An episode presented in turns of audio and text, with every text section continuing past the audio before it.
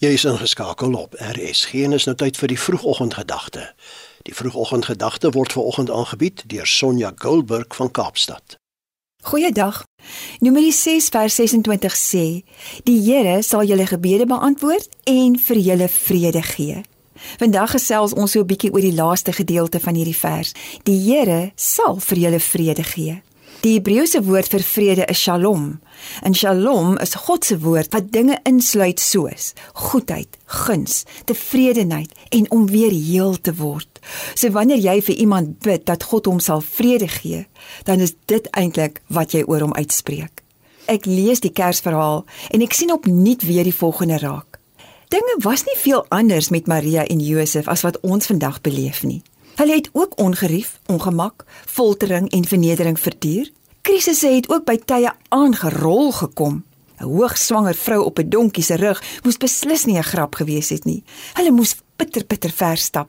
Geen busse, taksies of vliegtye nie. In Bethlehem was daar nie vir hulle slaapplek nie. Dink jou dit in. Vol stof tot die dood moeg en daar moes hulle in 'n stinkende stal tussen die diere slaap met duidelik nie badkamers naby nie en boonop word die baba gebore. Geen firstborn kleertjies, steriele lappe of verpleegsters in sig nie.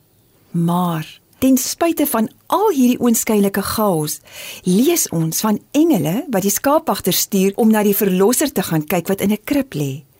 In Lukas 2 vers 18 en 19 staan daar: Almal wat dit gehoor het, was verwonderd oor wat die skaapwagters hulle vertel het. Maria het alles wat gesê is onthou en telkens weer by haarself daaroor nagedink. Ek sien opgewondenheid en vrede by haar en Josef. Ek sien nie opstand nie. En toe, asof dit nog einde nie is, moes hulle oppak om Egipte toe te vlug, want koning Herodes het alle babaseentjies laat doodmaak, want hy was bang vir die nuwe koning wat gebore sou word. Hier's die ding wat ek en jy moet raak sien.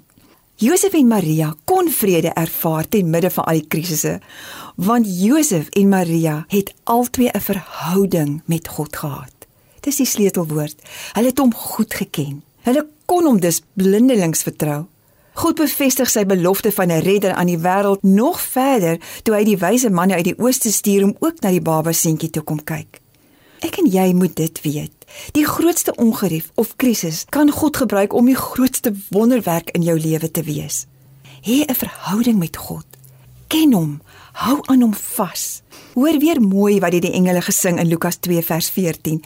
Eer aan God, eer aan hom wat in die hoogste hemel bly en vrede vir almal op die aarde. Vrede vir almal oor wie God nou fees vier. Ja, vrede vir jou. My Here en my God, dankie dat U vir my vrede gee. Dankie dat U my storms kan omswaai in wonderwerke, want niks is vir U 'n verrassing nie. Dankie dat U my liefhet en my seën met U liefde en guns. Ag ek loof en prys U naam vandag. Eer aan God, eer aan Hom wat in die hoogste hemel bly. Amen. Dit was die vroegoggendgedagte hier op RSG, aangebied deur Sonja Goldberg van Kaapstad.